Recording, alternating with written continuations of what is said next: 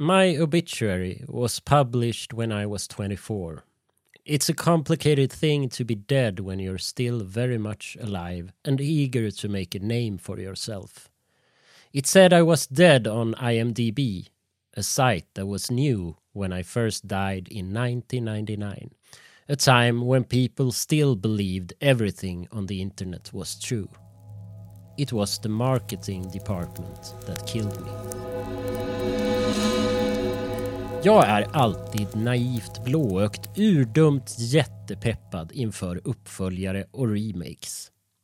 När djurkyrkogården skulle filmatiseras igen blev jag först jätteglad. Sen såg jag den och blev besviken.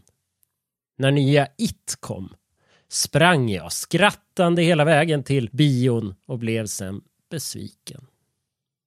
När The Ring-uppföljaren Rings kom ut gjorde jag kullerbyttor av glädje och sen blev jag vadå? Just det, besviken. Varför lär jag mig aldrig? Jag antar att det beror på min barndom. Som barn är man inte riktigt lika kräsen med filmer. Och uppföljare ska ju leverera mer, vara tuffare, råare och framförallt blodigare. Och det passar ju en tolvåring. Det är såklart därför jag gillade Djurkyrkogården 2 mer än första filmen. Jag gillar den fortfarande mest. Nå, 2016 kom en uppföljare till Blair Witch Project. Eller ja, i ärlighetens namn kom ju faktiskt Blair Witch 2, Book of Shadows, redan år 2000. Men den var inte bra. Så vi lämnar den. Legend said there's been a curse on these woods. Do you believe in the stories about the Blair Witch? Oh my god. Oh, they're everywhere. 2016 kom Blair Witch, skriven av Simon Barrett, som vi nog inte känner igen från något direkt. Eh, regissören Adam Wingard har regisserat Godzilla vs Kong som jag inte har sett och aldrig kommer att se. Blair Witch går ut på att Heathers brorsa Heather var ju en av dem som försvann i skogen i första filmen. Och hennes brorsa har hittat en Youtube-video med en bild på en kvinna som han tror är Heather. Tänk om han kan hitta sin syster där i skogarna utanför Burkittsville. Han måste givetvis ta med sig ett gäng för att undersöka detta. En av dem är såklart filmstudent. Filmen är inget vidare tyvärr. Ännu en besvikelse.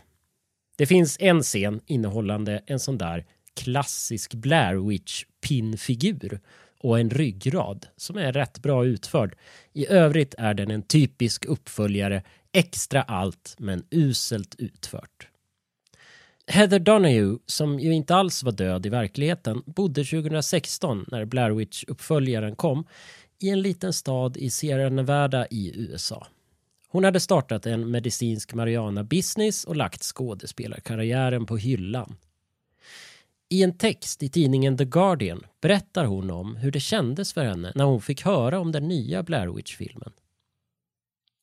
I did what any sensible woman would do and drank very nice bourbon in a very nice bathtub while bawling my eyes out. Nothing I do will ever surpass what I did at 24. My name and face are forever going to be someone else's intellectual property. My snot flooded portrait was back. Hon berättar att inspelningen av filmen var en glädje men att efterspelet var riktigt risigt hanterat av distributören Artisan Entertainment. Medan filmen blev en supersuccé var skådespelarna döda och ingen fick cred för sitt arbete.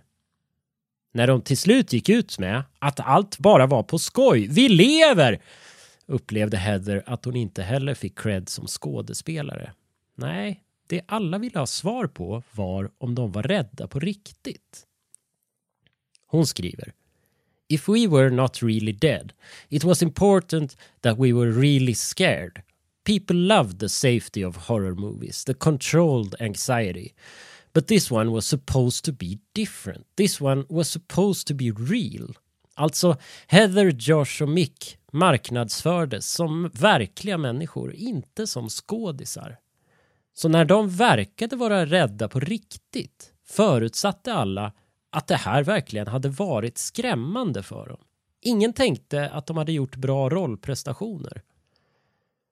Så den där marknadsföringskampanjen som jag höjde till skyarna igår. Äh, ännu en besvikelse. Men något som inte var en besvikelse var ju originalfilmen. Och det återkommer jag till imorgon. I'll be right back.